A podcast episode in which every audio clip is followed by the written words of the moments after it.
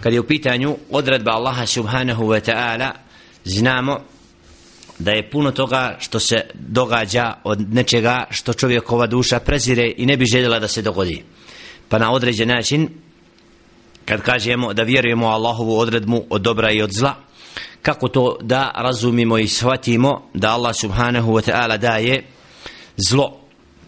Ovdje moramo pojmiti i shvatiti da upravo Allah subhanahu wa ta'ala kada je u odredbi dao da se događaju neki događaji koje preziremo da u tim događajima Allah subhanahu wa ta'ala kada ih dozvoljava na prvi pogled znači možemo vidjeti da je u tome zlo ali u konačnoj odredbi stvoritelja subhanahu wa ta'ala je svaki hajr i svako dobro. Kako stoji u dovi Muhammed alaihi salatu wa salam ash-sharru laysa Allahu subhanahu wa ta'ala se ne prepisuje šar ono što je zlo jer Jelle še'nu kaže kad je u pitanju to da Allah subhanahu wa ta'ala daje da ljude zadesi određene nedaće kaže zahara al fasadu fil barri wal bahr bima kasabat aydi nas li yudhiqahum ba'd alladhi amilu wa kaže Jelle še'nu li yudhiqahum ba'd alladhi amilu la'allahum yarji'un pojavio se fesad i nered na kopnu i na moru zbog onoga što su ruk, ruke čovječije učinile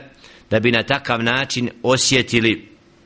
poniženje i kaznu zbog onoga što su učinili i da bi to osjetili kako bi se vratili Allahu subhanahu wa ta'ala. Znači da čovjek bude uzrokom da navuče srđbu na sebe od stvoritelja subhanahu wa ta'ala pa da Allah subhanahu wa ta'ala znači kažnjava i zato u odredbi Allaha subhanahu wa ta'ala znači ne možemo prepisati stvoritelju subhanahu wa ta'ala da on želi zlo svojim robovima nego naprotiv ono što Allah subhanahu wa ta'ala je odredio od dobra i od onoga što mi vidimo od zla u tome je mudrost stvoritelja subhanahu wa ta'ala jer onome što Allah subhanahu wa ta'ala odredi konačno je svaki hajr i svaka dobrota a znači znamo da sve što se događa ne može se dogoditi bez Allahove odredbe.